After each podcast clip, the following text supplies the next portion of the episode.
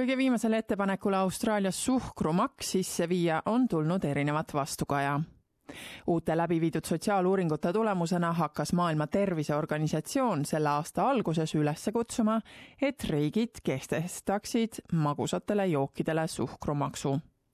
Hinnanguliselt läheb riigi rahvastiku rasvumine igal aastal Austraalia maksumaksjale maksma umbes viis koma kolm miljardit dollarit sotsiaalpoliitika analüüsi aruanne, mille koostas Grasseni Institute, soovitas, et parlament viiks sisse suhkrusisalduse maksu, kus veel põhinevate mittealkohoolsete suhkruga magusaks muudetud karastusjookide puhul määrataks iga saja grammi suhkru kohta neljakümne sendi suurune lisamaks instituudi terviseprogrammi direktor Steven Duckett ütleb, et selline maks tooks viissada kakskümmend miljonit dollarit maksutulu ning tarbijale oleks kulu minimaalne.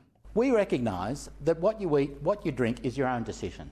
You make that choice, you live with it. But in making that choice, you're also incurring costs that other people have to face. Gratseni instituudi teadlased hindavad, et selline maks tõstaks kaheliitrise karastusjoogi hinda umbes kaheksakümne sendi võrra, mis omakorda tooks kaasa viisteist protsenti vähem selliste karastusjookide tarbimist. kuid asepeaminister Barnaby Joyce välistab, et Nationalide partei sellist üleskutset toetama hakkab. Mexico had one of these taxes, what they, what happened there, they lost the jobs and the sugar consumption kept going up. Now, our sugar consumption in Australia is actually reducing. Uh, we believe in being healthy, but we don't believe that you, you have a health policy that is led by uh, a tax on sugar. Because uh, if you want to uh, deal with being overweight, well, here's a rough suggestion stop eating so much and do a bit of exercise. That's, there's, there's two bits of handy advice, and you can get that for free. Viimase kahekümne viie aasta jooksul on rasvumine järsult suurenenud ning iga neljas Austraalia täiskasvanu on rasvunud Austraalia Tervishoiu ja Haiglate Liit on suurim organisatsioon, kes esindab riiklikke ning mittetulunduslikke haiglaid.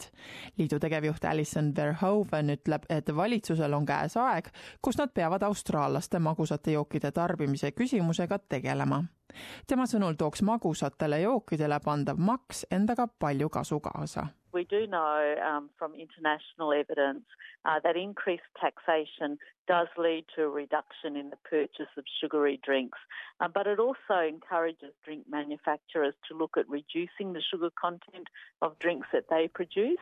kuid tema sõnul ei peaks valitsus sellega piirduma. We're asking the government to uh, consider um, taxing sugar sweetened beverages, but also uh, going beyond that. And this is not just the Commonwealth Government, but states and territory governments and also local governments as well, looking at uh, options such as restricting sales of sugar sweetened beverages in canteens, in schools, in hospitals, supporting stronger advertising restrictions, so especially during children's television viewing times possibly looking at um, mandatory front of package Healthy Star labelling and public awareness campaigns. viisteist riiki üle kogu maailma, nende hulgas Prantsusmaa ja Fidži, on magusatele jookidele maksu määranud või plaanivad seda teha. sama on teinud neli Ameerika Ühendriikide linna või piirkonda